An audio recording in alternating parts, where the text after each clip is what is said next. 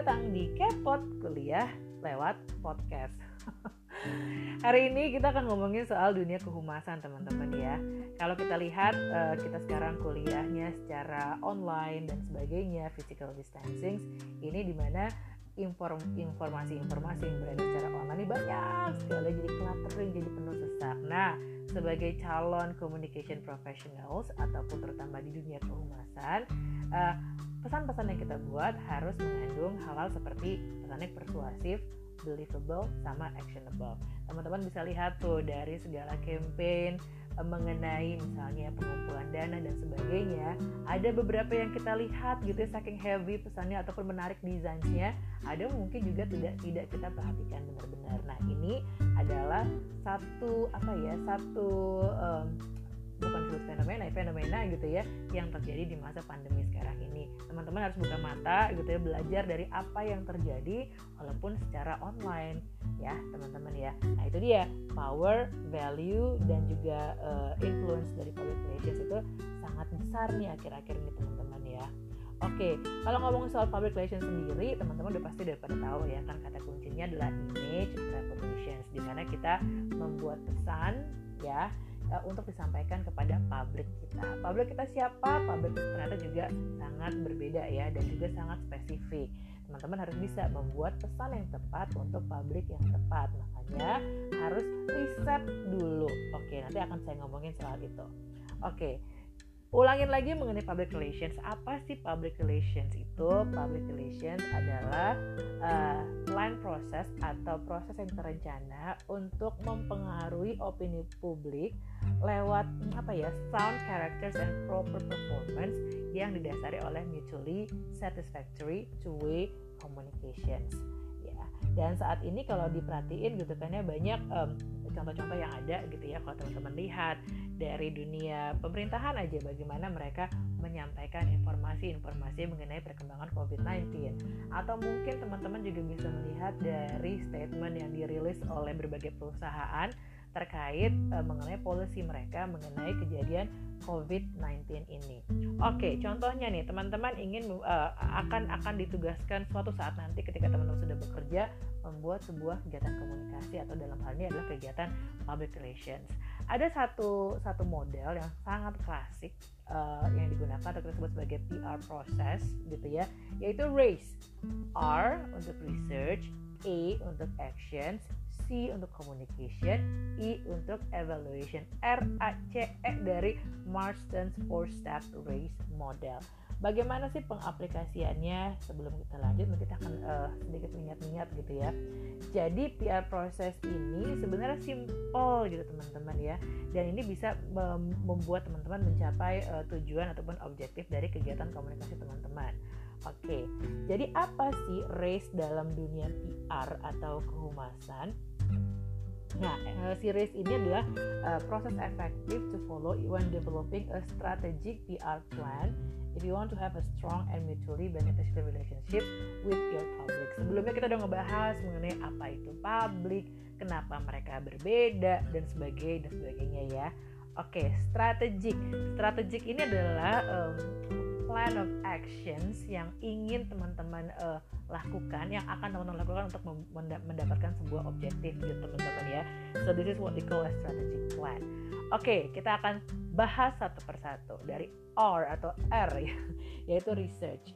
Nah research ini bisa dilakukan secara formal atau informal uh, kepada internal dan juga external stakeholders atau uh, publik teman-teman ya. Dan dalam research ini teman-teman akan bisa menjawab tuh analisa deh situasi seperti apa, uh, company teman-teman sekarang seperti apa, publiknya seperti apa, ataupun mungkin kompetitornya.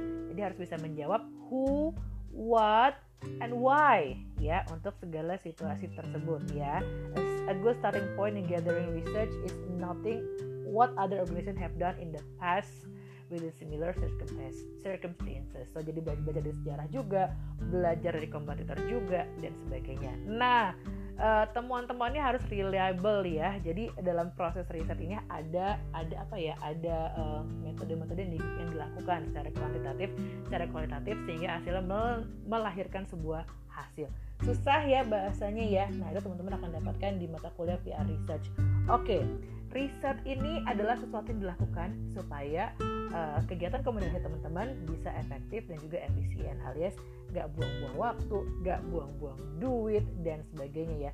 Saya kasih contoh deh, misalnya teman-teman ingin membuat sebuah acara reuni SMP. Teman-teman sekarang lagi kuliah dong. Riset dulu kan, kira-kira nih uh, dari seluruh alumni yang teman-teman targetkan untuk hadir, mereka tinggal di mana? Riset gimana caranya? Misalnya teman-teman sebar kuesioner sebar um, apa namanya ya uh, Google Survey dan sebagainya. Terus mereka menjawab oh ternyata mereka adalah tinggal di sini sini. Terus kira-kira tempat ya seperti apa yang mereka harapkan? Apakah tengah kota apakah luar kota terus apakah nginep berapa hari dan sebagainya dan sebagainya. Setelah itu teman-teman riset kan venue-nya kira-kira yang cocok seperti apa? Cukup nggak sih untuk kapasitas dari target uh, pengunjung target dari orang-orang yang hadir Terus teman-teman juga riset uh, makanan seperti apa, apakah finger food, apakah makanan padang dan sebagainya sebagainya. Nah itu riset-riset yang dilakukan ya. Terus kira-kira lagi um, apa ya performersnya atau musisi yang hadir yang seperti apa dan sebagainya. Itu contoh gampangnya. Setelah teman-teman selesai dengan risetnya, barulah teman-teman memutuskan oke okay, ini hasil risetnya berarti ke depannya kita harus melakukan A, B, C, D, E berdasarkan hasil riset tersebut supaya tadi efektif dan juga efisien. Nah, habis itu kita menuju ke A, yaitu action ya, action and planning. Nah, teman-teman, di action and planning tersebut, di action itu kita juga bisa menggunakan satu uh, abbreviation SMART. S M A R T. Ini yang yang masalahnya siapa ya? Dr. Hong Mei Shan. dia peer author dan juga researchers. Oke, dia uh, merekomend ini. Smart actionnya itu harus spesifik tujuannya apa or purpose. Ini measurable outcomesnya apa attainable objektifnya apa realistic secara goals dan juga time available and necessary. Action action ini teman-teman lakukan untuk uh, untuk uh, misalnya tadi kalau contohnya reuni uh, SMP tadi saya bilangnya SMP. Nah, action seperti apa? Harus ini tadi harus spesifik, harus measurable, attainable, realistis, dan juga timeline time sorry nah itu nggak boleh misalnya mengawang-awang oh kita mau reuninya adalah di luar angkasa terus kita mengundang siapa ya mengundang seluruh pemain-pemain filmnya James Bond atau mengundang BTS gitu ya kan ya keren sih tapi apa itu apakah itu um, uh, reliable apa namanya bisa visible dan sebagainya belum tentu.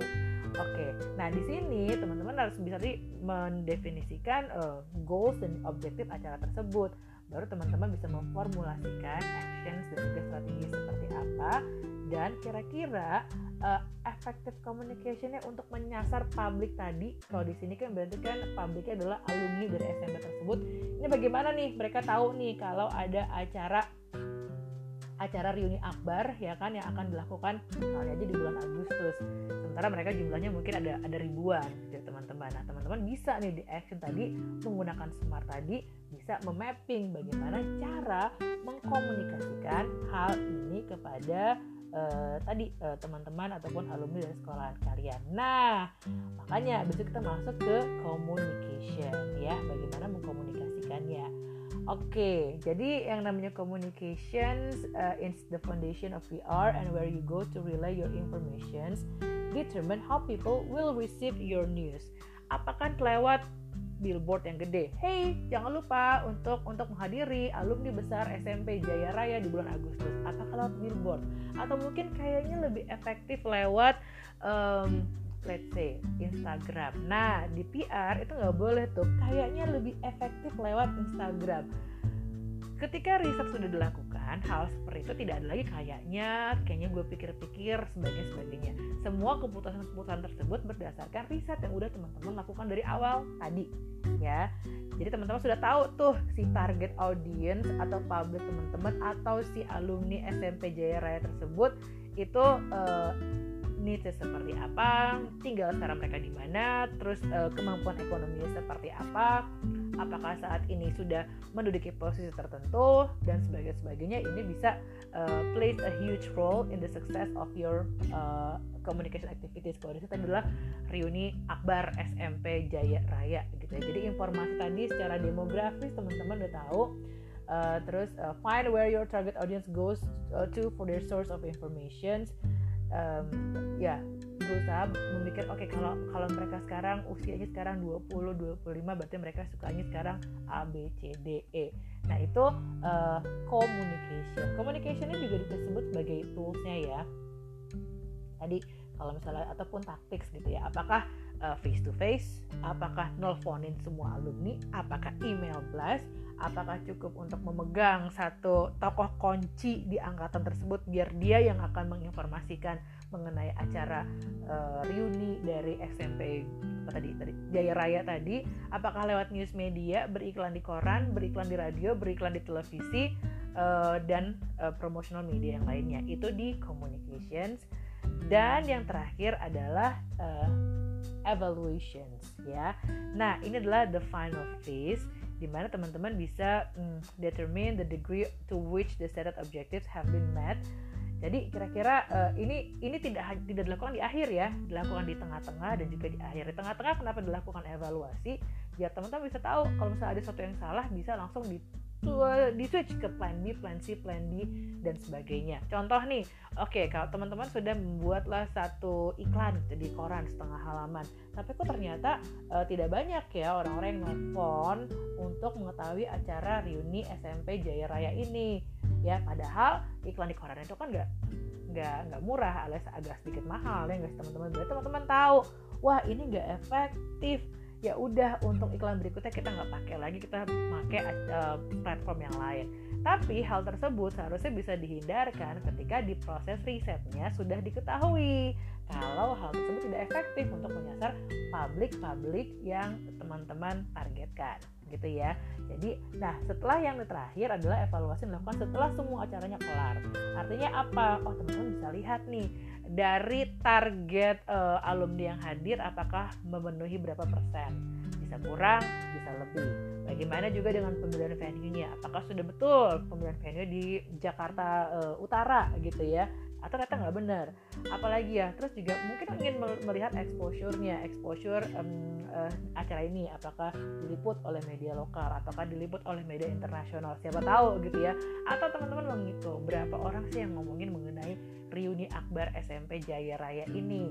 Lewat apa? Lewat hashtag lewat impressions dan sebagainya dan sebagainya. Nah ini evaluation memang uh, fokus terhadap uh, kegiatan communication uh, result hasilnya gitu ya. Apakah memenuhi uh, your primary objective dan juga bisa menggait teman-teman untuk preparing any additional steps for the teachers. Buat misalnya buat um, panitia reuni SMP Raya selanjutnya atau mungkin teman-teman pengen lihat mengenai uh, audience and reader surveys gitu ya kalau nanti diturunkan ke company dan sebagainya.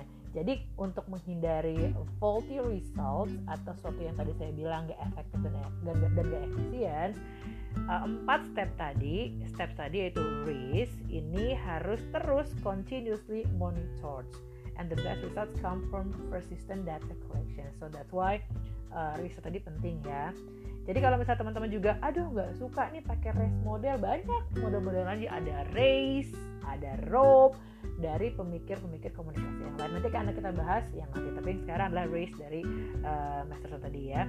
Jadi public relations efforts ini bisa uh, apa ya, can help build brand awareness among among your publics gitu teman-teman dan bisa dan bisa mendapatkan uh, tujuan dari komunikasi yang teman-teman uh, rencanakan dari awal.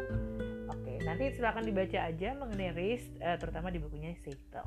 Akan kita bahas lebih lanjut lagi, tanya jawab. Tapi untuk saat ini, kepotnya kuliah lewat podcast sampai sini dulu ya. Selamat uh, melanjutkan aktivitas saya lagi. Tetap menjaga kebersihan dan jangan lupa untuk cuci tangan.